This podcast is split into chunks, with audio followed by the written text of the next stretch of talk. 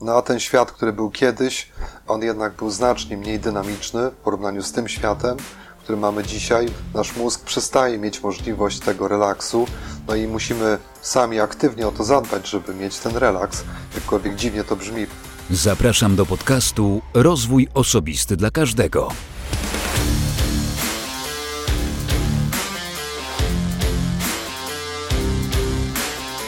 Cześć. Ja nazywam się Wojtek Struzik, a ty słuchać będziesz właśnie 214 odcinka podcastu Rozwój Osobisty dla Każdego, który nagrywam dla wszystkich zainteresowanych świadomym i efektywnym rozwojem osobistym.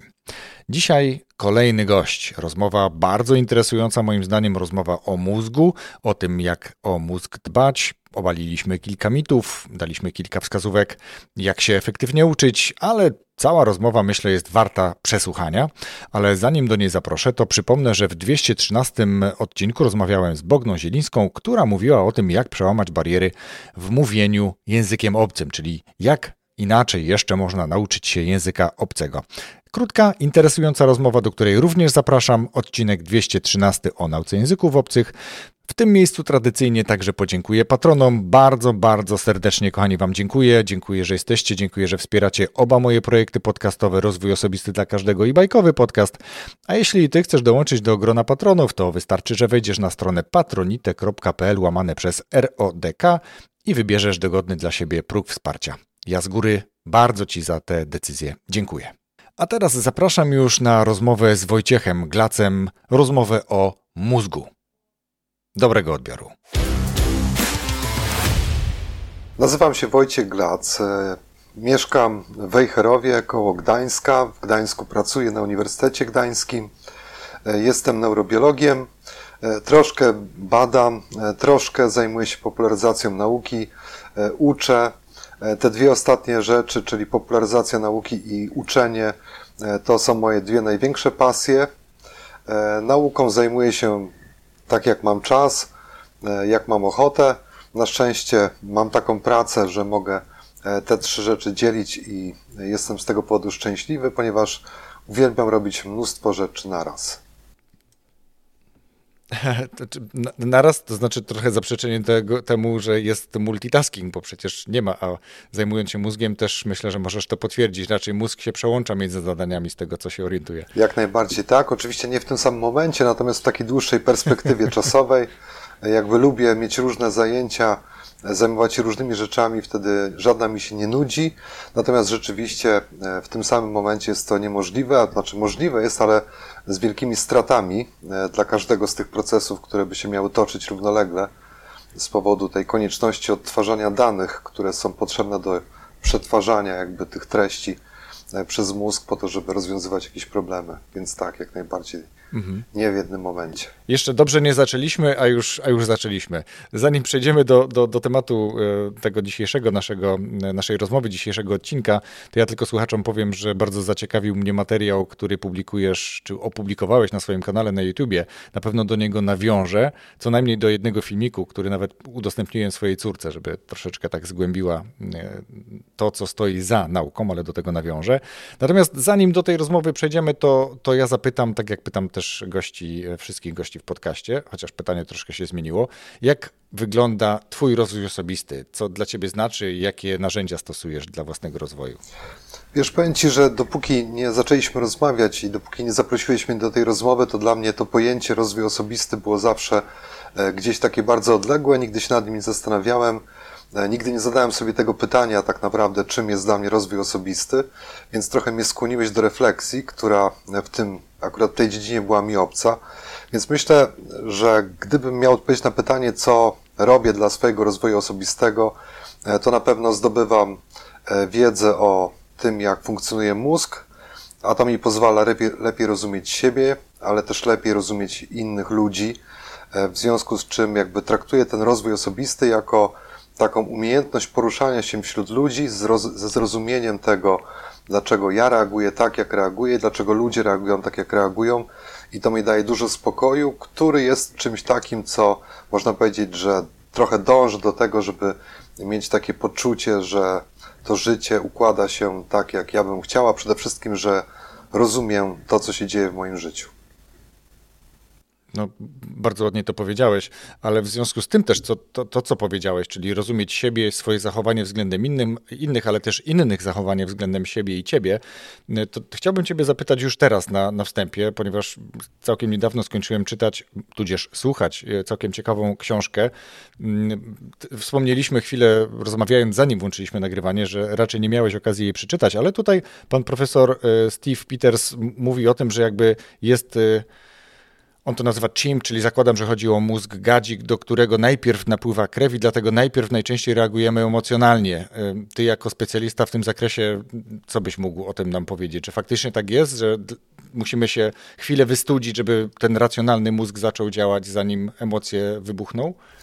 Oczywiście tak, to znaczy nie sprowadzałbym tego do tego, jak do której części mózgu szybciej krew dopływa, dlatego że e, ta krew dopływa w większej ilości e, do tych struktur, które są aktualnie bardziej, można powiedzieć, pobudzone, bardziej aktywne. No i jakby ta struktura naszego mózgu, ta mechanika działania naszego mózgu jest taka, że od momentu, kiedy nasz mózg odbiera informacje, do momentu, kiedy sobie uświadamiamy, e, co to, się, to, co się wokół nas dzieje, to przez ten czas, który jest dość długi, bo to jest, tak się szacuje, około 300 milisekund, to przez ten czas nasz mózg nie czeka, jakby, tylko już pracuje i pracują właśnie te części, które są bardziej pierwotne, które przetwarzają te informacje, nadają tak zwane znaki emocjonalne różnego rodzaju tym bodźcom, które odbiera nasz mózg. Więc w momencie, kiedy my osiągamy stan świadomości tego, co się wokół nas dzieje, e, co się zmieniło na przykład, to już w tym, w tym momencie towarzyszą nam emocje, które nam podpowiadają e, tą postawę, którą mamy, przybieramy wobec tej rzeczywistości, która jest mamy pewną gotowość już do działania, no więc jak najbardziej zgodzę się z tym, że rzeczywiście w tym naszym mózgu pierwszą aktywność podejmują struktury, które działają tak w automacie, te bardziej pierwotne, natomiast dopiero w drugiej kolejności e, ta nasza kora mózgowa przejmuje, można powiedzieć, kontrolę, o ile w ogóle jest w stanie przejąć kontrolę, bo nie zawsze jest to możliwe i nie zawsze jest to konieczne, e, bo czasem po prostu nasz mózg e, działa w automacie i to mu wystarcza do tego, żeby normalnie jakoś funkcjonować w tym świecie, który, który nas otacza, w którym żyjemy, zwłaszcza wtedy, kiedy sytuacje, w których jesteśmy, są takie powtarzalne, typowe, stereotypowe, to nie ma sensu angażować kory, bo to jest bezsensowny wydatek energii. No, cieszę się też, że mówisz o energii, bo za chwilkę też do tego chcę nawiązać, ale tutaj jeszcze dokończę tylko ten temat, bo to też się tak wydaje, mówimy o tym mózgu gadzim często, w, jeśli mogę tak mówić, mózgu gadzim, tak, ale właśnie tym e, mózgu, który mam wrażenie pierwszy reaguje z tego, co wszyscy gdzieś mówią i co się też obserwuje, że on jest też po to, żeby właśnie żeby nas też chronić, tak? Czyli to, co też powiedziałeś, ta, ta, ta kora nie musi się uruchamiać, bo czasami to, jak zareaguje ta część mózgu, jest po to, żeby nas przed, przed czymś ustrzec. To, to jakby właśnie ta, e, ten pierwotny odruch, żeby był, który ma za zadanie nas chronić. Jak najbardziej tak. E, jest to, e, można powiedzieć, że często mamy taki rodzaj troszkę niezrozumienia, który wynika pewnie z takiego, takiej potrzeby upraszczania pewnych zjawisk, ale tak naprawdę w tym naszym mózgu jakby nie mamy takiego mózgu gadziego, który jest nadbudowany tym mózgiem ssaczym i tym mózgiem człowieka, e, tylko te struktury są tak głęboko ze sobą zintegrowane, tak mocno ze sobą współdziałają, że w zasadzie nie powinniśmy przeciwstawiać jednego mózgu drugiemu mózgowi, dlatego że e, jakby ta struktura, ta mechanika tej pracy jest taka, że e, ten ta bardziej pierwotna część działająca w automacie jest pewnego rodzaju sugestią, która rzeczywiście jest szybka, daje nam możliwość bardzo szybkiego zareagowania.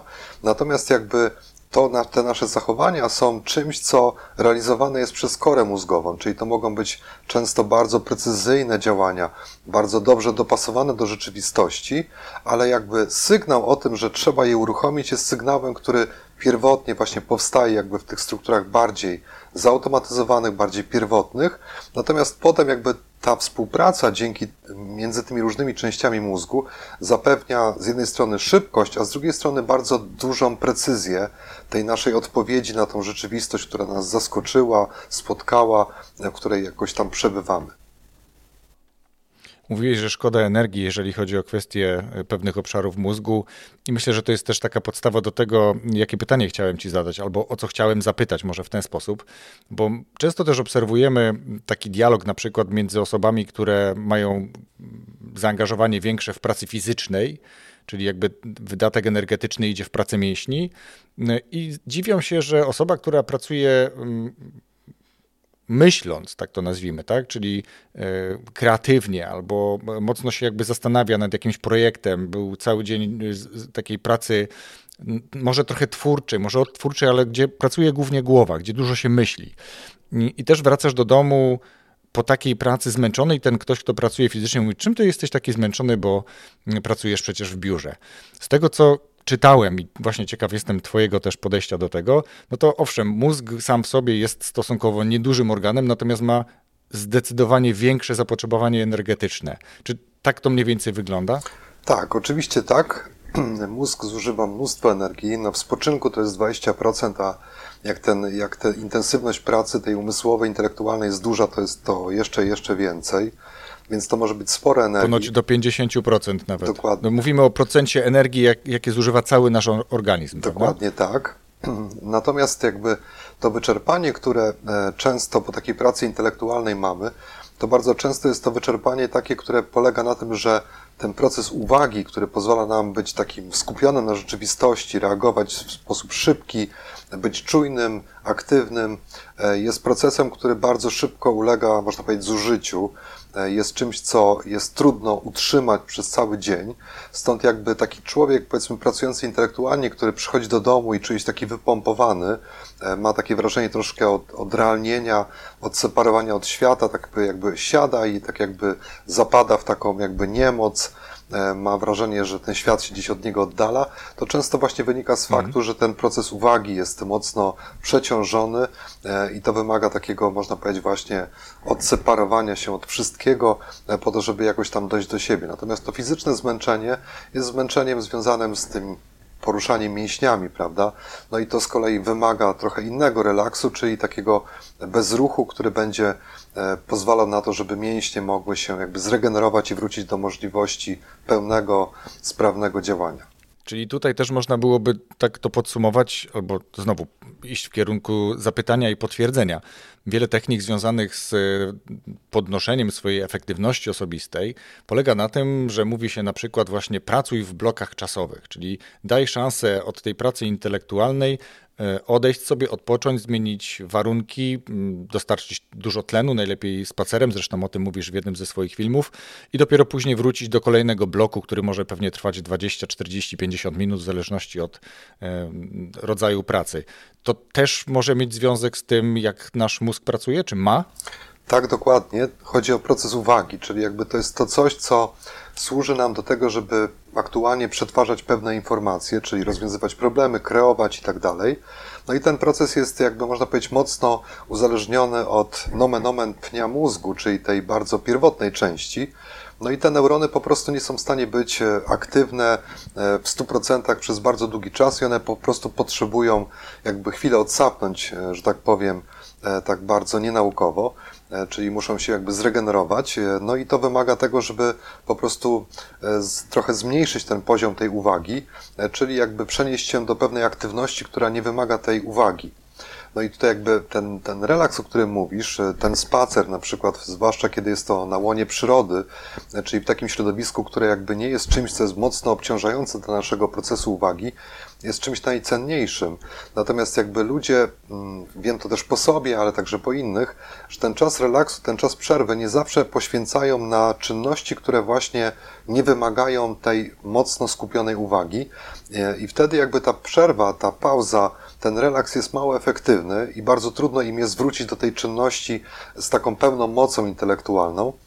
E, bo na przykład często spotykają się z innymi ludźmi i sobie tak gaworzą e, i nawet jeżeli to jest taka gadka szmatka, prawda, takie luźna rozmowa, to jednak rozmowa jest czymś, co bardzo mocno angażuje proces uwagi, te funkcje intelektualne są na najwyższych obrotach, wtedy kiedy przebywamy wśród ludzi, e, skupiamy się na ich gestach, prawda, na rozmowie, staramy się słuchać i mówić, no to jest coś, co jest mocno obciążające, więc jakby ten czas relaksu powinien być takim czasem dla siebie środowisku, który znamy lub które jest nieobciążające. Nie powinno być to spacer ulicami, gdzie jeżdżą samochody i dzieje się dużo różnych rzeczy, tylko raczej to powinno być właśnie, o ile mamy taką możliwość, spacer do parku lub do jakiegoś pomieszczenia, w którym jest w miarę cicho, jest nam znane, e, gdzie możemy po prostu skupić się na jakiejś prostej czynności, która nie wymaga od nas jakiejś szczególnej uwagi. Mhm. Bardzo ciekawe jest to, co mówisz. y, Tym bardziej cieszę się na naszą rozmowę dzisiejszą. Ale też chciałem Cię jeszcze zapytać, y, bo jakby ewolucja człowieka to, to tysiące lat, i, ale jednak mówi się coraz częściej o tym, że te ostatnie dziesięciolecia, y, ta, ten duży postęp technologiczny, a teraz jeszcze informatyczny i, i bardzo duża ilość takich, takiego przebodźcowania czy to już zostało w jakiś sposób zbadane i czy to ma na wpływ na tyle taki duży, że my kiedyś powiedzmy łatwiej i dłużej potrafiliśmy pracować w skupieniu versus jak dzisiaj to jest, mając wokół tyle świateł, bodźców, różnych telefony i tak dalej, czy, czy to już jest zauważalne w naszym mózgu? Czy ktoś to badał? Są takie badania, e, badania, które pokazują, że e, to wśród młodzieży często się prowadzi te badania, które, które te osoby E, jakby tak można powiedzieć, naturalnie dużo korzystają z różnego rodzaju e, tych odkryć, tych, e, tych, tych, tych technologicznych. No i tam widać wyraźnie w tych badaniach, że właśnie ten proces uwagi nie jest procesem, który działa w 100%, czyli są tam pewne deficyty tej uwagi. No i uważa się, że jakby one wynikają właśnie z tego przebodźcowania, o którym mówisz, czyli takiego bycia ciągle poddawanym bardzo dużej stymulacji różnego rodzaju bodźcami, które są raz, że angażujące uwagę, są intensywne, ale też są czymś, co można powiedzieć, że jest nagradzające, e, czyli one są ważne, e, są czymś, nad czym nasz mózg chętnie się skupia, chętnie je obserwuje, chętnie je śledzi, chętnie z nimi ma kontakt, dlatego że one mają ten duży ładunek taki emocjonalny, duży ładunek, czyli taki są atrakcyjne, no i trudno jest je pominąć, dlatego chcąc, nie chcąc, będąc jakby w tych nowych technologiach e, obecny, e, nie sposób jakby nie obciążać tego procesu uwagi i on wtedy szwankuje, bo właśnie on nie jest w stanie być ten proces e, sprawny, mocno aktywny przez cały czas. On wymaga odpoczynku, wymaga tych przerw, wymaga tego relaksu. No a ten świat, który był kiedyś, on jednak był znacznie mniej dynamiczny w porównaniu z tym światem, który mamy dzisiaj, więc jakby naturalnie e, przez zmianę w tym świecie nasz mózg przestaje mieć możliwość tego relaksu, no i musimy sami aktywnie o to zadbać, żeby mieć ten relaks, jakkolwiek dziwnie to brzmi, prawda, czyli wykazać pewną aktywność, żeby się zrelaksować. To jest to pewien paradoks, no ale tak niestety jest, że musimy o to e, właśnie w sposób taki bardzo celowy, aktywny zadbać. To ja bym teraz zapytał, ciągnąc dalej tę wypowiedź, jakie zaleciłbyś sposoby właśnie, żeby zmusić się do tego dla dobra swojego i swojego mózgu, żeby znaleźć chwilę i jaka to chwila, jaka forma relaksu powinna być. Na pewno wyprzedzę, będzie to sen, ale co jeszcze? Przede wszystkim jakiś spacer, ale taki właśnie, o którym wspomniałem wcześniej, czyli gdzieś tam na łonie przyrody, tam gdzie to środowisko, które jest wokół nas, to otoczenie, jest czymś, co jest mało angażujące. E, no i badania pokazują, że właśnie to środowisko naturalne jest mało obciążające ten proces uwagi, dlatego że składa się z bardzo wielu tych samych elementów, e, co z punktu widzenia naszego mózgu jest czymś, co nie wymaga jakiejś strasznie zawiłej analizy, która wymagałaby jakichś bardzo dużych tych zasobów poznawczych, jak to mówimy. E, dlatego ten świat ożywiony, ten świat natury jest taki cenny ale oczywiście jak nie mamy do niego dostępu łatwo, no to wystarczy, że jest to miejsce, które jest nam znane, e, jest miejscem, które nie zawiera zbyt dużo elementów, które mogą skupiać nam uwagę. No i myślę, że tutaj warto też zadbać o nawyki, to znaczy e, postarać się e, zlikwidować ten nawyk, który mamy wszyscy, że w momencie relaksu my automatycznie sięgamy po smartfona na przykład i zaczynamy niby bezwiednie przeglądać ten, te media społecznościowe, czy tam cokolwiek innego. I wydaje nam się, że to jest relaks, bo my po prostu dostarczamy sobie jakieś przyjemności, ale z punktu widzenia tego procesu uwagi jest to tak naprawdę zmarnowany czas, bo to jest relaks rozumiany jako dostarczenie sobie czegoś miłego, ale nie jest to relaks rozumiany jako odpoczynek dla mózgu, bo nasz mózg wtedy nie odpoczywa, e, choć może nam się tak wydawać, bo mamy z tego przyjemność, e, co jest pewnego rodzaju takim małym oszustwem, dla dlatego że ta przyjemność daje nam poczucie, że to jest dobre dla nas, ale z punktu widzenia jakby mózgu, a przynajmniej tego, czego chcemy osiągnąć, czyli e, tego relaksu, tego procesu uwagi, e, no to ten, ta przyjemność jest czymś, co e, tak naprawdę nam tego relaksu nie daje dla tego procesu uwagi. Daje nam jako coś przyjemnego, co zaczynamy kojarzyć jako miłe i chcemy to powtarzać, natomiast jakby jest to nieefektywne z punktu widzenia tego celu, jeżeli naszym celem jest właśnie odtworzyć te nasze zasoby związane z tym procesem uwagi. E, więc to są takie dwie rzeczy, e, które wydają mi się cenne i ważne, żeby o nich mówić, a zwłaszcza o tej drugiej rzeczy, bo właśnie bardzo często nie, niekoniecznie mm, w sposób uprawniony kojarzymy przyjemność z relaksem, e, bo cel czasem właśnie jest taki, że nie powinno być tej przyjemności, po to właśnie, żeby ta przyjemność tam nie przykuwała tej uwagi i jej nie obciążała. Mhm. To ja dopytam teraz, spaceruję po lesie, ale mam w uszach słuchawki, słucham podcastu albo audiobooka. Odpoczywam, czy raczej powinienem zrezygnować z słuchania i skupić się na ciszy, na szumie liści, drzew i to będzie lepszy, bardziej efektywny relaks? No, powiedziałbym tak z automatu, że to drugie, czyli jakby e, mhm. e, starajmy się jakby zmniejszyć tą ilość bodźców, natomiast e, jak już wspomniałeś o podcaście na przykład, no to podcast jest czymś, co my śledzimy z uwagą. E, czyli staramy się rozumieć to, o czym mówią rozmówcy w takim podcaście, przetwarzamy czyli mózg nie odpoczywa. Tak, i on cały czas pracuje, prawda?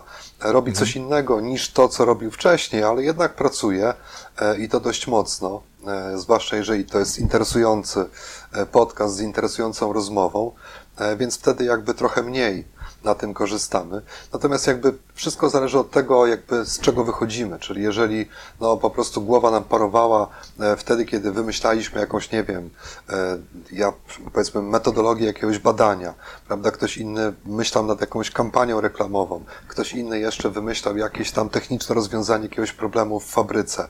No więc jakby w porównaniu z taką aktywnością, takie spokojne słuchanie, prawda, rozmowy e, na jakiś miły, ciekawy temat wydaje się być czymś bardzo relaksującym, ale można jeszcze pójść właśnie krok dalej, czyli tak naprawdę jeszcze bardziej się zrelaksować, czyli posłuchać tego szumu wiatrów, e, prawda, który porusza liśćmi, posłuchać tego ptaka, który gdzieś tam ćwierka, e, bzyczenia komara, prawda, za uchem, e, no i, i tam różnych innych dźwięków tej przyrody.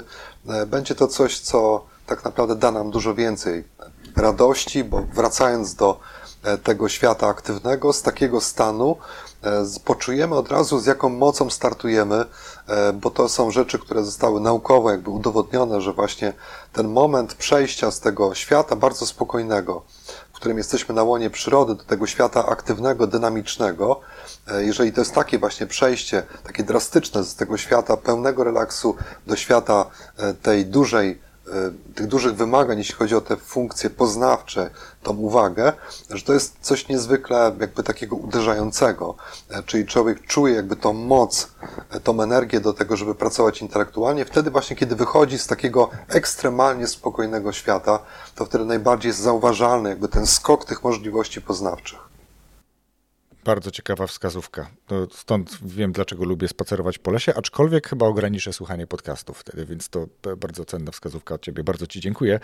Mm, ale chciałem też pociągnąć temat, o którym mówisz, który mi się tutaj tak nie, nie padło słowo, ale chyba nawet w którymś twoim materiale jest o grywalizacji, czyli jakby ten nasz mózg lubi sięgać po telefon, bo to jest przyjemne. Powiedziałeś, że to nam daje radość. Nie regenerujemy się wtedy, ale czujemy jakąś pewnego rodzaju satysfakcję.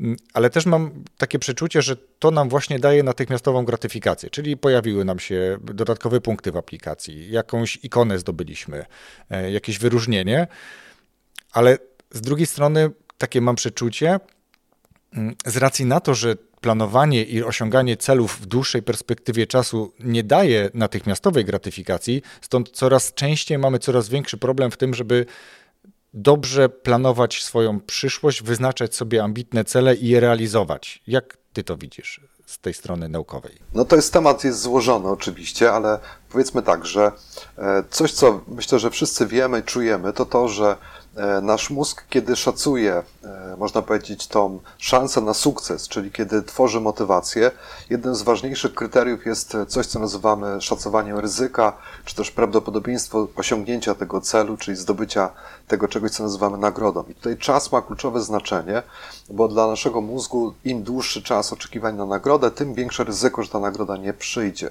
Stąd jakby mamy problem z tym odraczaniem nagród. To jest naturalną rzeczą.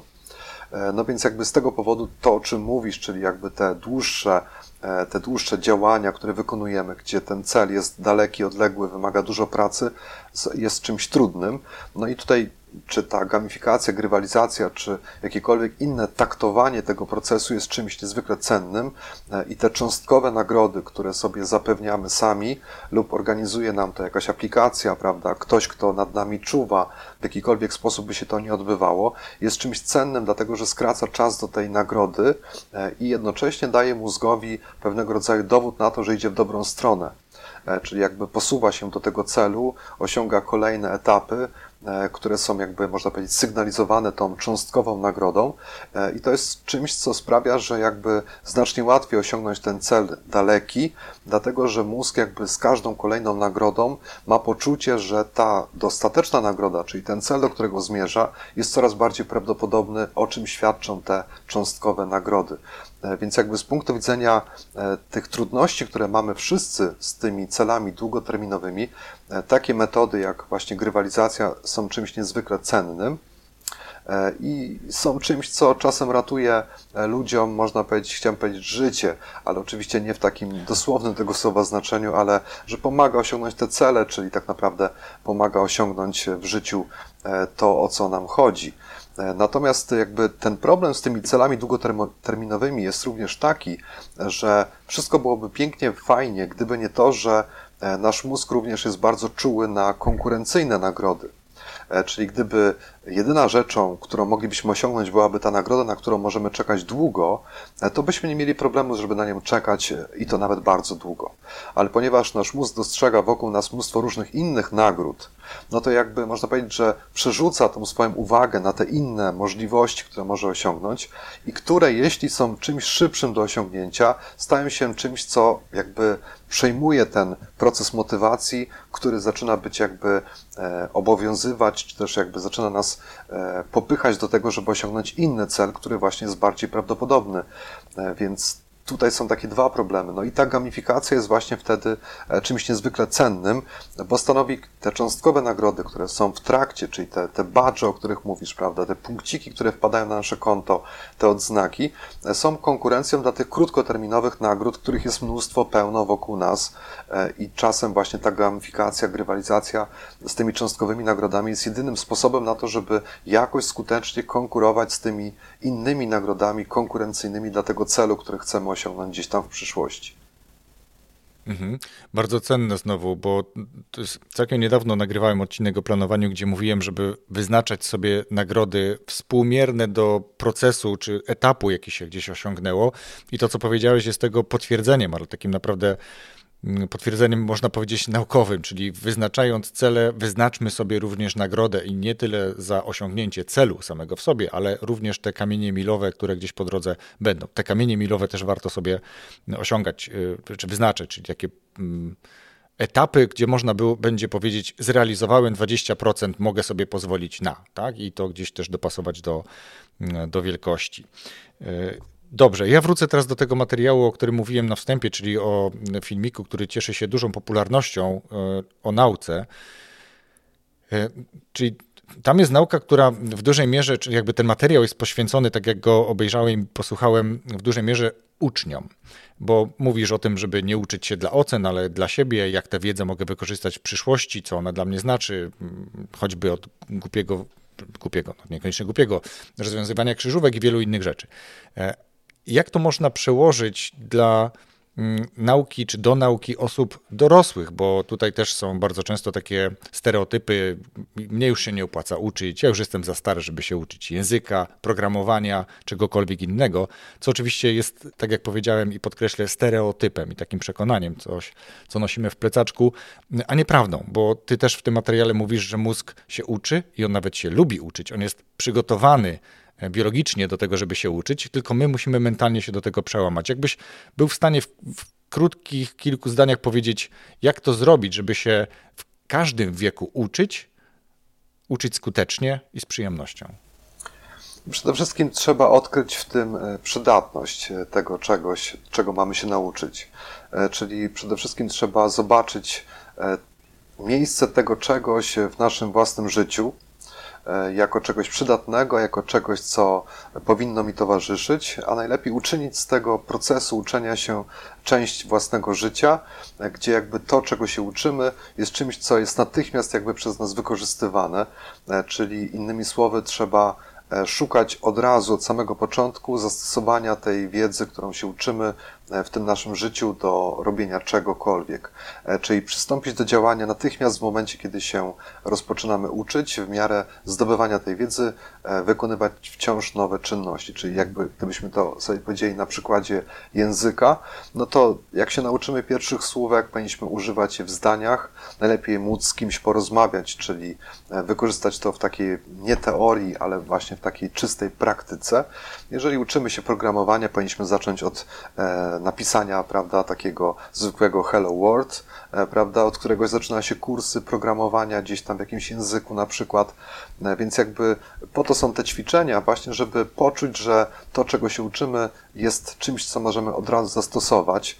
E, I czasem, jeżeli uczymy się czegoś, co nam się wydaje abstrakcyjne, takie, że wydaje nam się, że dopiero po pewnym etapie to przyniesie efekty, i tak może oczywiście być, natomiast jakby no, uczenie się ma to do siebie, że każda cząstka nowej wiedzy, którą zdobywamy, jest czymś, co tak naprawdę możemy gdzieś tam wpleść e, w te nasze działania, wykorzystać to, co jest nowe, łącząc to z tym, co wiemy, już mieliśmy wcześniej w naszej pamięci i w jaki sposób to wykorzystać, więc tak naprawdę czasem warto zainwestować trochę czasu w to, żeby pomyśleć dobrze, dogłębnie nad tym, do czego mi się to w życiu przyda, gdzie mogę to w danym momencie wykorzystać, tu i teraz najlepiej. I ten czas zainwestowany na to rozmyślanie o tym procesie uczenia się, o tym, czego się mam nauczyć, jest czymś, co szybko poczujemy, że daje nam tą e, korzyść w postaci tej większej motywacji, która przełoży się na większą efektywność tego uczenia się, a tym samym my szybciej dostaniemy dowód e, w postaci tej satysfakcji z, tego, z tej nowej wiedzy, umiejętności, którą zdobywamy, co nas tylko tak naprawdę popchnie do tego, że e, jest to rzecz dobra, cenna, przynosi korzyść, a więc warto ją kontynuować, tę czynność i w ten sposób wpadniemy w pewnego rodzaju ciąg, że będzie nam trudno żyć bez e, ciągłego uczenia się, e, szukania tak naprawdę pól, e, w których moglibyśmy się rozwinąć, więc z tego trzeba zrobić nawyk, ale żeby mieć nawyk, no to trzeba mieć nagrodę. Żeby mieć nagrodę, trzeba działać, a żeby działać, trzeba mieć plan, co chcę zrobić. I to są takie, można powiedzieć, pewien ciąg, taki logiczny, który gdzieś tam w końcu na samym początku, jakby cofając się do początku tego procesu, e, jest czymś, co trzeba zobaczyć. Jakby w momencie, kiedy rozpoczynamy e, ten proces uczenia się, trzeba zobaczyć cały ten ciąg, który e, będzie czymś, co finalnie sprawi nam dużą radość, da nam dużą radość z tego uczenia się. Mhm. Bardzo dziękuję. To też wskazówka dla mnie. Każdego dnia próbuję się czegoś nauczyć, ale o tym za chwilkę jeszcze, bo tutaj też chcę powiedzieć o tym, że mm, no mózg jest organem póki co niezastąpionym. Znaczy nie da się go przeszczepić. Tak jak serce, powiedzmy, już opanowaliśmy i, i, i, i ludzie żyją z y, nawet sztucznym sercem, to z mózgiem tak nie ma. I teraz, skoro już mamy tego świadomość, to dobrze byłoby dbać o ten nasz mózg. I z jednej strony mówimy właśnie o spacerowaniu, o regeneracji, to na pewno jest zbawienne dla naszego mózgu, no ale nasz mózg, o czym mówimy też, potrzebuje dużo energii do funkcjonowania. Spoczynek to 20% y, zużytej energii naszego organizmu, y, silniejsza praca intelektualna to jakieś pewnie 40-50%. Co ten mózg tak naprawdę potrzebuje jako paliwa? Z jednej strony w filmie mówiłeś o mm, cukrze, ale zdrowym cukrze, czyli zakładam, że chodzi o węglowodany. W innych materiałach też dużo jest o tym, że mózg potrzebuje dobrego tłuszczu. Jak to jest? Czego nasz mózg potrzebuje jako pokarmu? Znaczy, nasz mózg, e, można powiedzieć, spala głównie glukozę, e, czyli ten taki no, podstawowy, podstawowe paliwo biologiczne. E, to jest jego główne cukier. paliwo, tak, cukier, ten mhm. prosty cukier, e, którego trzeba dostarczać, e, bo zapasów jest bardzo niewiele w naszym organizmie. Ten glikogen to jest, to są te zapasy cukru. Natomiast tego jest bardzo malutko, więc jakby chcąc pracować wydajnie, to musimy mieć ten cukier, tylko oczywiście to nie oznacza, że mamy się opychać słodyczami, bo ten, bo taki... Dobrze, że to powiedziałeś. Tak, bo powiedzmy taki pączek to jest coś, co jest takim dziennym zapotrzebowaniem na cukier naszego mózgu mniej więcej. E, w tym spoczynku oczywiście, więc to nie jest tak, że ja mam do wykonania pracę intelektualną i ja teraz muszę zjeść sześć tabliczek czekolady, e, no bo to się skończy otyłością, prawda, bo tego mózg nie spali, e, bo to jest trochę za, trochę za dużo tego cukru po prostu, ale musi być ten cukier, więc jakby trzeba o tym pamiętać, ale przede wszystkim ten cukier będzie się spalał wydajnie wtedy, kiedy będzie odpowiednia podaż tlenu dla tych komórek mózgowych. Komórki mózgowe zresztą nie mogą spalać glukozy, bez tlenu, e, co każdy, kto był pozbawiony kilka minut tlenu, się przekonał e, i to była ostatnia rzecz, o której się dowiedział w swoim życiu. E, więc musi być ten tlen i ten tlen będzie dostarczany wydajnie wtedy, kiedy będzie sprawny układ krążenia. A układ krążenia, żeby był sprawny, to musimy mieć wysiłek fizyczny. Więc chcąc zadbać o mózg, paradoksalnie trzeba zadbać o mięśnie, w tym sensie, że trzeba uprawiać sport ale niekoniecznie wyczynowy i niekoniecznie taki, który będzie czymś, czym chcielibyśmy się chwalić przed znajomymi, że o, właśnie przebiegłem, prawda, 10 kilometrów. E, to musi być po prostu wysiłek fizyczny na miarę możliwości danego człowieka, takiej, jakiej on jest w stanie go wykonać. On się będzie oczywiście, ta granica się będzie przesuwać, ale chodzi o to, żeby się zmęczyć, po prostu zmęczyć, e, nie, nie paść na pysk, jakby to powiedzieć brzydko, ale zmęczyć tak, żeby poczuć, że to był wysiłek fizyczny, bo to jest coś, co jakby w długim takim okresie, oczywiście to jeden nie wystarczy epizod, tylko to musi być ciągłe, ale jakakolwiek forma aktywności jest czymś, co się przekłada także na zwiększoną wydajność naszego mózgu, ponieważ to poprawia krążenie, a poprawa krążenia jest czymś, co sprawia, że ta podaż i cukru, ale przede wszystkim tlenu do komórek mózgowych jest lepsza.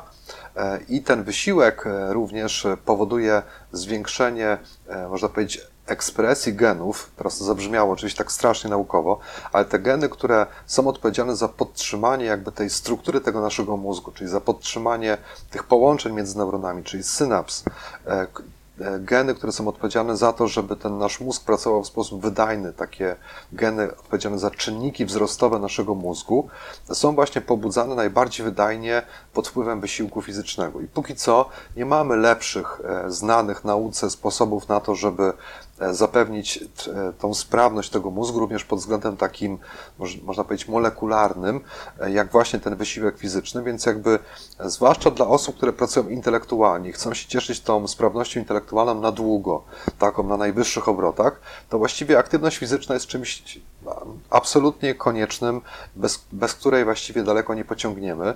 E, I to jest coś, co, o czym zawsze trzeba pamiętać, i to jest najważniejsze. Można, prawda, zjadać mnóstwo różnego rodzaju suplementów. Te różne kwasy omega-3, o których wspomniałeś, czyli tych, nazwijmy to, dobrych tłuszczach, które są potrzebne do budowania tych błon komórkowych i tak dalej, tych komórek nerwowych, które jednak mają ogromną e, ilość tych błon komórkowych przez te wypustki, prawda, jeżeli kojarzymy, jak wygląda neuron, więc one są potrzebne. E, natomiast jakby, no, można tego jeść na tony ale to nic nie da, w sensie takim, że nie będzie to widoczne, jeżeli nie będziemy dbali o to, żeby być aktywnym e, fizycznie. Aktywnym fizycznie, więc e, ten zdrowy umysł, intelekt będzie tylko wtedy, kiedy będzie zdrowe ciało, e, bo to idzie w parze. Mózg jest oczywiście czymś, co steruje ciałem, ale jednocześnie jest zależny od tego, jak funkcjonuje to ciało i póki co jeszcze nasz mózg bez ciała sobie niespecjalnie radzi. Mhm. Super.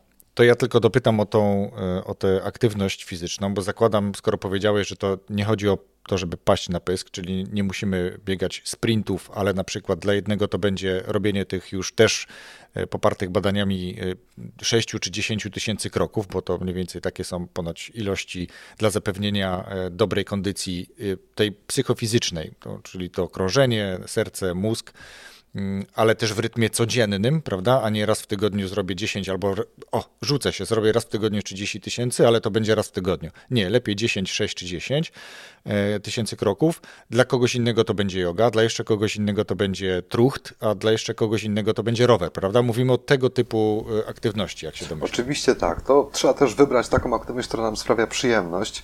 Oczywiście. E, czyli nie można sobie powiedzieć, że o, bieganie jest zdrowe, to ja teraz będę biegać, a ktoś prawda, tego nigdy nie lubił e, i nie przemoże się do tego i tak naprawdę tak na, tylko To wtedy nie ma sensu. To niech spaceruje. Tak, to jest spacer, dobry spacer, e, oczywiście takim trochę szybszym tempem, żeby poczuć jednak to serce, że ono bije, nie? E, czyli żeby to, żeby to nie był taki spoczynkowa, normalna rytmika pracy serca, tylko żeby poczuć, że ono trochę szybciej bije, bo to musi być taki wysiłek aerobowy, e, czyli właśnie taki, który jakby angażuje... 120, 140 tętno chyba, prawda? Tak, no to oczywiście tak naprawdę jest W zależności od organizmu. tak, że nie, nie można jednoznacznie wyznaczyć tego progu, e, bo dla kogoś, kto siedzi na kanapie z pilotem, prawda, dla niego wysiłek fizyczny to będzie 7 kroków do łazienki i on już będzie zmęczony, jak musi się, Coś musi się jest. wysikać, bo pije szóste piwo.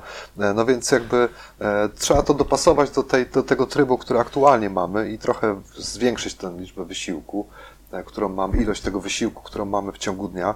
Od czegoś trzeba zacząć e, i to może być coś bardzo drobnego i już będzie efekt. Mhm. Jedna pompka dziennie.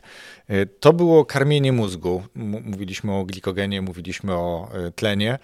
E, A też wspomniałeś o synapsach, połączenie neuronalne czy neuronów, jak tutaj nie chcę gafy popełnić, ale tutaj też badania, jeśli dobrze kojarzę, mówią o tym, że właśnie uczenie się e, w każdym etapie wieku, od dziecięcego po późną starość, też pozytywnie wpływa na tą neuroplastyczność mózgu, czyli powinniśmy pomimo tych stereotypów jednak uczyć się, czy coś jeszcze może nam pomóc w tej higienie mózgu, tej, tej utrzymaniu dobrej kondycji do późnej starości. E, Oprócz uczenia się, e, powinniśmy również zadbać o kontakty społeczne, które też są jak- jakąś pewną formą uczenia się, e, no bo oczywiście każde doświadczenie zostawia po sobie ślad w postaci pamięci. E, To nie zawsze musi być takie uczenie, jak my to rozumiemy, że o, ja się nauczyłem siedmiu imion, siedmiu ludzi, których spotkałem, e, tylko po prostu no, obserwujemy ludzi, obserwujemy ich relacje, uczymy się gestów. E, To jest takie uczenie, którego nie jesteśmy świadomi, ale my przecież zdobywamy codziennie mnóstwo informacji, które są czymś, co zostaje zapisane w strukturze tej naszej pamięci, które jest po, związane z tymi synapsami, nowymi drogami nerwowymi, utrwalaniem pewnych połączeń, które są w mózgu, więc my się uczymy cały czas, e, choć nie zdajemy sobie z tego sprawy, e, i, a te kontakty społeczne są czymś, co dla naszego mózgu jest sporym wyzwaniem, e, czyli jakby bywanie wśród ludzi, którzy są bardzo zmienni, nieprzewidywalni, zwłaszcza wtedy, kiedy są to troszeczkę większe grupy niż spotkanie jeden na jeden, to taki kontakt społeczny jest czymś, co dla naszego mózgu jest tak ogromnym wyzwaniem intelektualnym, e, że zapewnia nam możliwość jakby ciągłego dbania o to, żeby te wszystkie szlaki nerwowe tej naszej kory mózgowej były cały czas używane, pobudzane, e, utrwalane tym samym, rozwijane, e, więc jakby to jest coś, co zadba o to, żeby ten nasz mózg na tym poziomie takim intelektualnym był znacznie sprawniejszy, co nam przedłuży życie, o czym chociażby, może nie tak wprost oczywiście, jest dużo czynników, ale chcę nawiązać do, do długości życia kobiet. e, w porównaniu z mężczyznami. Jednak to jest znacznie dłuższa, e, dłuższe życie w porównaniu z mężczyznami. No i jednym z takich podejrzeń, że tak powiem, zresztą potwierdzonych też naukowo, jest to, że e, te kontakty społeczne są tutaj kluczowe, które w przypadku kobiet stereotypowo, oczywiście patrząc tak statystycznie, one są bardziej intensywne niż w przypadku mężczyzn.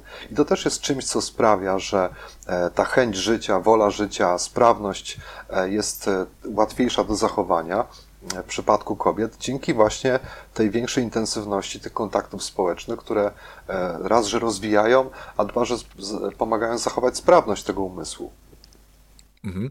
To tutaj od razu też y, bardzo mnie zaciekawiłeś i zadam takie pytanie, bo z jednej strony faktycznie tak to może być, że zresztą jest, bo mówisz, że badania to potwierdzają, że kobiety mogą żyć dłużej z racji na to, że mają jakby większą otwartość do realizowania jakichś kontaktów społecznych, ale czy to też nie jest trochę tak, że mm, właśnie prawdopodobnie poprzez te kontakty społeczne kobiety też dużo więcej z siebie wyrzucają tych emocji, które my mężczyźni jednak trochę trzymamy. To, to jest też taka może trochę śmieszna forma mm, przedstawienia różnicy między kobietami i mężczyznami, którą tam Mark Gungor na przykład na YouTubie pokazuje, czy kilka innych, że mężczyźni się jednak zamykają, mają to pudełko nicości, tam sobie schodzą, sobie, siedzą sobie cicho, myślą o tym, co się wydarzyło, a kobiety muszą to powiedzieć. To, to, to nie jest tak, że się to też trochę właśnie przenika?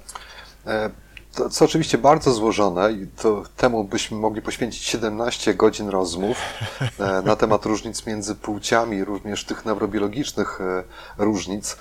Natomiast jakby często jest tak, że kobiety reagują silniej emocjonalnie na takie awersyjne bodźce, i to silniejsze pobudzenie emocjonalne może przekładać się e, na taką większą ekspresję e, tych emocji w postaci nie wiem, słów, zachowań, gestów itd. Tak Natomiast mężczyźni są nieco mniej wrażliwi na te bodźce takie nieprzyjemne, awersyjne, stąd jakby może rzadziej na przykład wyrażają te takie nieprzyjemne emocje w postaci jakichś gestów, słów, zachowań. Natomiast mężczyźni ożywiają się wtedy, kiedy są poddawani takim bodźcom przyjemnym, E, czyli tak zwanym apetytywnym, e, i wtedy z kolei mężczyzna jest kimś, kto wyraża bardziej te emocje. Jak zobaczy coś atrakcyjnego, jak zobaczy coś fajnego, przyjemnego potencjalnie, to nagle e, jest ożywiony, prawda? A kobieta jest kimś, kto bardziej zachowuje powściągliwość i spokój w obliczu czegoś przyjemnego, a mężczyzna, prawda, skacze, podskakuje, nie jest w stanie utrzymać, prawda, wzroku na swojej partnerce, bo przejdzie obok jakaś inna dziewczyna i tak dalej. No więc jakby takie rzeczy, więc jakby różnimy się pod względem reaktywności na różnego rodzaju bodźce e, i jakby, a ponieważ jakby często e, te bodźce nieprzyjemne utożsamiamy z tym stresem, e, i właśnie ten stres jakby wydaje się być wtedy czymś, co jest jakby bardziej po stronie kobiet, które tym stresie bardziej wyrażają te emocje, e, ale tak naprawdę jakby to jest kwestia takiego lekkiego przesunięcia tej wrażliwości e, w stronę tych bodźców nieprzyjemnych i przyjemnych u tych e, dwóch naszych płci, tych podstawowych, więc jakby mm, to są są pewne różnice, ale one nie są znowuż tak duże i też trzeba być ostrożnym z taką, oczywiście stosujemy teraz tą, tą taką stereotypowe podejście, bo ono jest uprawnione pewną średnią, prawda, dla, dla mhm. płci, więc możemy sobie pozwolić na to, żeby tak uśredniać e, te, te, te dwie płcie. Natomiast tak naprawdę te różnice międzyosobnicze, które występują u ludzi, są zdecydowanie większe niż różnice międzypłciowe, e, więc bardzo łatwo, e, przypinając do kogoś pewnego rodzaju cechy związane z jego płcią, możemy tak naprawdę bardzo kogoś czasem skrzywdzić, ale przede wszystkim możemy kogoś źle postrzegać, nieprawidłowo, oczekując pewnych zachowań, których ta osoba nie ma, ale też przypisując pewne zachowania osobom, e, trochę sobie dopowiadając, że ta osoba, ponieważ jest kobietą, to ma takie, tak, tak reaguje, a ten mężczyzna to tak reaguje. A tak naprawdę e, to, czego się spodziewamy, e, jest niepotwierdzone rzeczywistością, ale nasz mózg często popełnia błąd, że e, jak już coś sobie wyobraża i na coś się nastawi, to ma tendencję do niedostrzegania rzeczywistości, e, pomija tą rzeczywistość, bo jest przywiązany do pewnego rodzaju przekonania, które wynika właśnie z takiej obserwacji, która niekoniecznie jest potwierdzana w każdym jednym przypadku.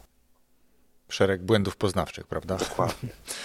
Dobrze, to zbliżajmy się powolutku do końca, ale żeby troszeczkę tak już y, może bardziej zabawnie iść do kierunku y, końcowego, to spróbujmy obalić kilka mitów. Ja tu sobie wynotowałem dosłownie może cztery, tak podglądam swoją notatkę. Mm, co powiesz o prawo czy lewopółkulowych osobnikach. Jak to faktycznie jest? Jesteśmy bardziej prawo, bardziej lewopółkulowi? Znaczy, czasem są osoby, które mają prawda, znaczne e, ubytki w mózgu i wtedy rzeczywiście możemy sprowadzić ich do lewo lub prawopółkulowych, ale to są oczywiście przypadki jakiejś patologii. Natomiast e, ludzie są obu, obopółkulowi i obydwie półkule mózgowe są potrzebne do tego, żeby przetwarzać informacje, choć mózg może się obyć e, bez jednej. E, da radę. Natomiast e, nie ma takiej specjalizacji półkul mózgowych, jak, e, tak jak my to powszechnie, jakby tak popularnie dzielimy. Czyli ta kreatywna i racjonalna, tak? Bo o tym mówimy, Tak. myśląc półkulowo. Tak, to oczywiście jest pewnego rodzaju uproszczenie, które wynika z tego, że przy w przypadku różnych czynności, w przypadku różnych sytuacji, różnego typu procesów, które odbywają się w naszym mózgu, widać tą asymetrię aktywności półkul mózgowych. E, Czyli rzeczywiście przy tym akcie kreowania jest jedna z półkul bardziej aktywna niż ta druga. Natomiast jakby to nie jest tak, że tylko ta jedna jest za to odpowiedzialna, a ta druga czeka, e, tylko to jest takie ciągłe przerzucanie pewnych informacji między jedną a drugą półkulą. One obydwie współdziałają ze sobą i muszą współdziałać, dlatego że mają zupełnie inny zestaw danych, które pierwotnie analizują. Więc chcąc jakby zobaczyć sytuację w sposób całościowy, te dwie półkule mózgowe muszą ze sobą się kontaktować, dlatego że każda z nich widzi inny wycinek świata. Więc chcąc mieć jednolity obraz rzeczywistości, którego jesteśmy świadomi, wszystkiego tego, co się wokół nas dzieje, tak samo różnego rodzaju informacji, które gdzieś tam zgromadzone są w pamięci w tych obydwu półkulach mózgowych, one muszą się komunikować, a im bardziej się komunikują, tym bardziej ich aktywność jest taka zrównoważona, bardziej równomierna. E, Więc tak naprawdę w każdym z procesów obserwujemy jakąś tam dominację którejś z półkul, ale ta dominacja jest naprawdę bardzo niewielka i obydwie półkule są zawsze aktywne. Mhm. No właśnie, to mamy wyjaśniony jeden mit. Można być prawopółkulowym pod warunkiem, że nie ma się części lewej półkuli. Tak można żartobliwie powiedzieć. Mm, Innym mitem, który znalazłem w sieci, to też takie postrzeganie, że im większy mózg, tym człowiek potencjalnie mądrzejszy. Jak to się ma do rzeczywistości? No, ja bym powiedział, że jest kompletnie odwrotnie, bo jak popatrzymy sobie na mężczyzn, którzy mają większe mózgi w porównaniu z kobietami, e, to mam wrażenie, że kobiety są znacznie bardziej mądre, e, bardziej przewidujące, e, widzące szerzej rzeczywistość, analizujące dalej, szerzej, głębiej w porównaniu z mężczyznami, więc bym powiedział, że jest odwrotnie. E, Natomiast oczywiście w przyrodzie, jak porównujemy zwierzęta różnych gatunków e, i patrzymy na wielkość tego mózgu, to widać wyraźnie tendencję, że wraz z zwiększeniem wielkości mózgów, oczywiście w odniesieniu do, do masy ciała, e, no to widać ten, ten skok, bo on jest związany z większą ilością, e, większą liczbą neuronów, które znajdują się w mózgu i w korze mózgowej. Natomiast jakby e, liczba komórek niekoniecznie musi się przekładać na jakość mózgu w każdym jednym przypadku, dlatego że te komórki muszą być odpowiednio ze sobą połączone, ta liczba synaps jest bardzo różna i ta gęstość jakby tych wypustek, które tworzą neurony, jest tak naprawdę czymś, co definiuje nam sprawność tego naszego umysłu, e, sprawność tej nasze, tego naszego mózgu e, i to widać przy, przy przypadku różnego rodzaju zaburzeń e, psychicznych, gdzie dochodzi do zmniejszenia objętości przykład kory mózgowej, czyli ten mózg się kurczy, tak mówiąc obrazowo, ale kurczy się nie dlatego, że giną neurony, one są dalej cały czas w tej samej liczbie. Natomiast e, kurczy się dlatego, że właśnie zmniejsza się ilość połączeń między komórkami nerwowymi, no i to powoduje zmniejszenie tej objętości tego mózgu E, i jest to właśnie tak naprawdę czymś, co nam dobrze pokazuje, o co chodzi w tym mózgu. Chodzi o to, żeby te neurony były dobrze połączone, żeby była duża sprawność tych połączeń między neuronami, bo to gwarantuje, można powiedzieć, taką dużą moc obliczeniową tego naszego mózgu. Czyli jakby może być dużo elementów, ale które jak nie będą ze sobą dobrze współdziałać, to co z tego, że ich jest tam dużo, prawda? Dopiero wtedy, kiedy e, współpraca między tymi neuronami jest zachowana, jest sprawna, e, ma te silne podstawy oparte właśnie na tej dużej liczbie połączeń wtedy jakby widać tą moc. To tak jakbyśmy wzięli, prawda, setkę ludzi, gdzie każdy będzie robił swoje i oni sumarycznie jest ich dużo, ale osiągną znacznie mniej niż 20 osób, które są zgrane, razem coś robią, prawda, mają plan, komunikują się między sobą. Oni są w stanie osiągnąć więcej niż ta setka ludzi, którzy każda na własną rękę, prawda, coś tam będzie e, swoją rzepkę skrobać.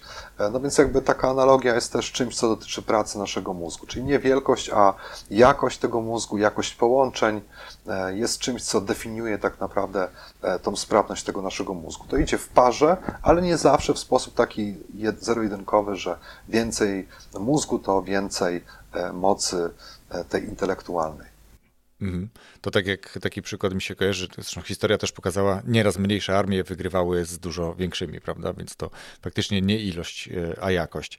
I chyba ostatni i najbardziej popularny mit, że wykorzystujemy raptem 10% możliwości naszego mózgu. No, jest to oczywiście nieprawda. E, Wszyscy badacze mózgu e, wiedzą, że to jest 17,3%. Oczywiście żartuję, e, więc znaczy jak, jak ktoś wykorzystuje 10%, no to, to ma duże pole do popisu. Natomiast prawda jest taka, że oczywiście nasz mózg jest aktywny w 100%, wszystkie neurony są aktywne. Te, które byłyby nieaktywne, by po prostu zginęły, bo w mózgu nie stać naszego organizmu, naszego mózgu na to, żeby utrzymywać jakieś neurony w uśpieniu, e, żeby sobie czekały na lepsze czasy. Nie robisz, no to spadaj, e, mówi mózg, prawda? I takie neurony po prostu umierają, tak samo jak nieużywane połączenia między neuronami po prostu zanikają. Więc jakby ten nasz mózg pracuje cały, każda, każda część ma swoją funkcję, współdziałają ze sobą te różne struktury naszego mózgu, różne neurony, wszystkie mają coś do roboty. Natomiast ten mit się oczywiście wziął z tego, że ktoś próbował oszacować jakby e, jaki procent pamięci wykorzystujemy, jaki procent e, możliwości naszego mózgu, czyli jakby jakie są jeszcze, można być taki margines, jeśli chodzi o te nasze zdolności poznawcze, zdolności rozumienia świata, zdolności rozwiązywania różnego rodzaju problemów. E, I to stąd się pewnie wzięło te 10%, które zostało tak błędnie przypisane procentowi jakby tej masy mózgu, która jest wykorzystywana.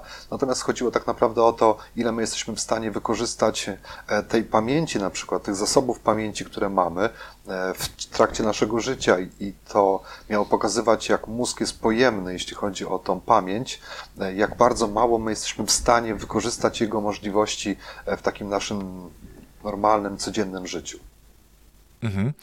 To, tu, tu chyba jednak sięgnę do jeszcze jednego mitu, bo powiedziałeś o, o umieraniu połączeń między neuronami, mm, co może być kojarzone, bo ten mit tak mówi, że jakby mózg się nie regeneruje, czyli to połączenie zostało przerwane e, i, i koniec. Jakby głupiejemy, usteczniamy się, tracimy e, te zdolności poznawcze. Tracimy, regeneruje się mózg, nie regeneruje. To znaczy tak, i tak i nie, dlatego że jeśli chodzi o te mhm. połączenia, to jest ta struktura mózgu jest bardzo dynamiczna. To znaczy, tak długo jak żyje e, ta część neuronu, która zawiera jądro komórkowe, e, czyli tak długo jak długo komórka może korzystać z tego swojego aparatu genetycznego, molekularnego, tak długo może e, dowolnie tworzyć nowe wypustki, czyli tworzyć nowe połączenia między nią a innymi neuronami. I to jest dynamiczna struktura, która jest bardzo zmienna w czasie. E, natomiast e, neurony czasem giną. E, giną z różnych powodów, czy to z powodu zanieczyszczeń środowiska, czy z powodu alkoholu, czy z powodu niektórych substancji psychoaktywnych, czy czasem z powodu takiego bardzo silnego, długotrwałego stresu. Tak zwane dziury w mózgu. Tak, mikroubytki się pojawiają jak mhm. najbardziej, tak. Natomiast to jest oczywiście patologia. No i na starość też oczywiście neurony obumierają. E, w różnych miejscach w korze mózgowej. No i to rzeczywiście jest czymś, co można po powiedzieć, że nie jest możliwa regeneracja tego mózgu. Jeżeli neuron zginie, no to już nic na jego miejsce mhm. nie powstanie. E, co prawda w ludzkim mózgu wykryto neurogenezę, również w tym dorosłym mózgu, ale ta neurogeneza jest bardzo ograniczona tylko do tych rejonów, które są zaangażowane w tworzenie pamięci, tej deklaratywnej pamięci, czyli chodzi mi tutaj o hipokamp i jego okolice, e, taka część mózgu, która e, jest zaangażowana w kodowanie e, tych naszych śladów pamięciowych. Tam jest neurogeneza, tam te nowe neurony cały czas powstają i one są pewnego rodzaju takimi znacznikami tej pamięci, którą tworzymy. E, taki rodzaj takiej etykiety, jeżeli ktoś pamięta, jak wyglądała kiedyś biblioteka, jak chodził do biblioteki, to były takie szufladki z tymi karteczkami, gdzie był prawda, taki spis tych książek i tam się spisywało numerek, się szło do bibliotekarza czy bibliotekarki i ta pani czy pan przynosili nam tą książkę. E, no więc ten hipokamp jest właśnie coś takiego, taką szafką z szufladkami i znacznikami, e, gdzie są różne ślady pamięciowe konkretnie zlokalizowane w naszym mózgu. No i ten hipokamp z racji tego, że tworząc nową pamięć, prawda, tak jakbyśmy nową książkę w bibliotece się pojawiała, to musi gdzieś być znacznik i tym znacznikiem jest jakaś komórka w tym, w tym hipokampie, więc tam mamy neurogenezę, ale tylko tam, E, więc gdziekolwiek indziej w mózgu, jak coś ginie, to już nic na jego miejsce, na miejsce tej komórki nie powstanie i to jest strata, która jest już e, nie do odrobienia. Mhm. Wiesz co, zadałbym pewnie jeszcze y, tutaj co najmniej kilka pytań, y, bo tak powiedziałeś o, o, zmianie w mózgu w czasie, więc tu od razu mi się dziecko pojawia, które tam się dynamicznie rozwija, później się trochę ustecznia, a później coś tam się dzieje, więc zostawmy to być może na kiedyś inną, jeszcze drugą rozmowę, bo rozmawiamy blisko godzinę. Nie chcę zabierać Twojego wieczoru, ale też myślę, że słuchacze mm, nie byliby w stanie dłużej słuchać naszej rozmowy. E, ale na koniec jeszcze zapytam Ciebie, bo widzę piękny, niemalże jak w bibliotece regał z książkami. Jaką książkę poleciłbyś słuchaczom podcastu o rozwoju osobistym? No to jest trudne pytanie. To nie musi, to nie musi być książka związana z rozwojem osobistym, ale taka, którą e, warto polecić.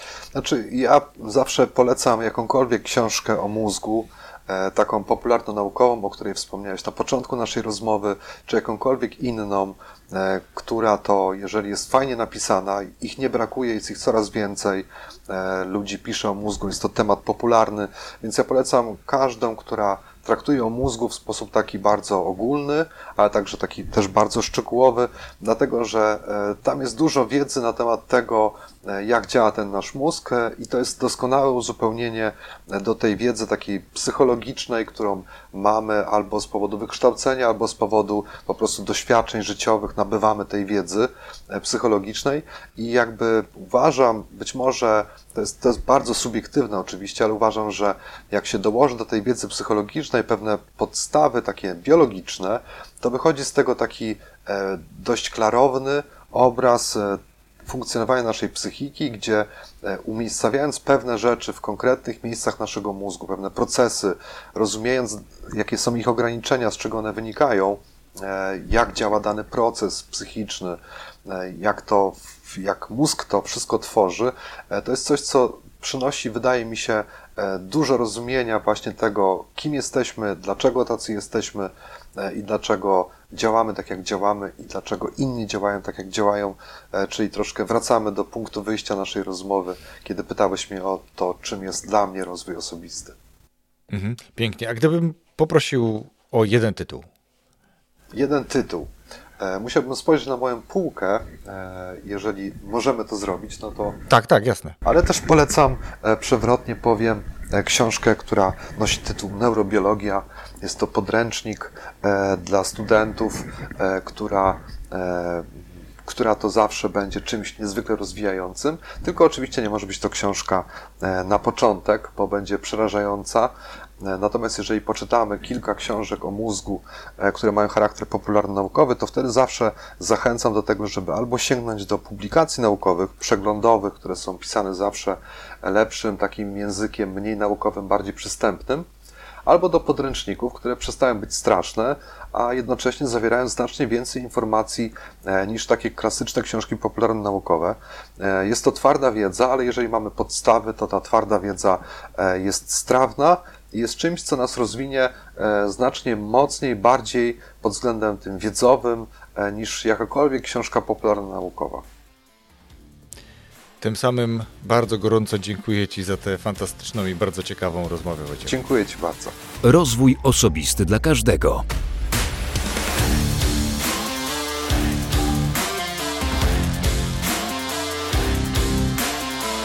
Dziękuję, że wysłuchałeś tej rozmowy do końca. Ja faktycznie zanotowałem sobie w trakcie tej rozmowy kilka dodatkowych pytań, ale już nie chciałem tej rozmowy przedłużać. Myślę, że wyszła całkiem ciekawie, inaczej, ja jestem pewny, że wyszła całkiem ciekawie. Ja dla siebie wynotowałem naprawdę kilka ciekawych rzeczy. Wsparł Wojciech moją wiedzę na temat tego, jak się zachowujemy i jaką rolę w tym odgrywa mózg. Dlatego też ciekaw jestem, czy chciałbyś posłuchać jeszcze więcej o tym naszym bardzo cennym organie i ewentualnie o co chciałbyś takich ekspertów jak Wojciech zapytać. A ja raz jeszcze bardzo gorąco dziękuję za dzisiejszą rozmowę i zapraszam za tydzień do nowego odcinka podcastu Rozwój Osobisty dla każdego.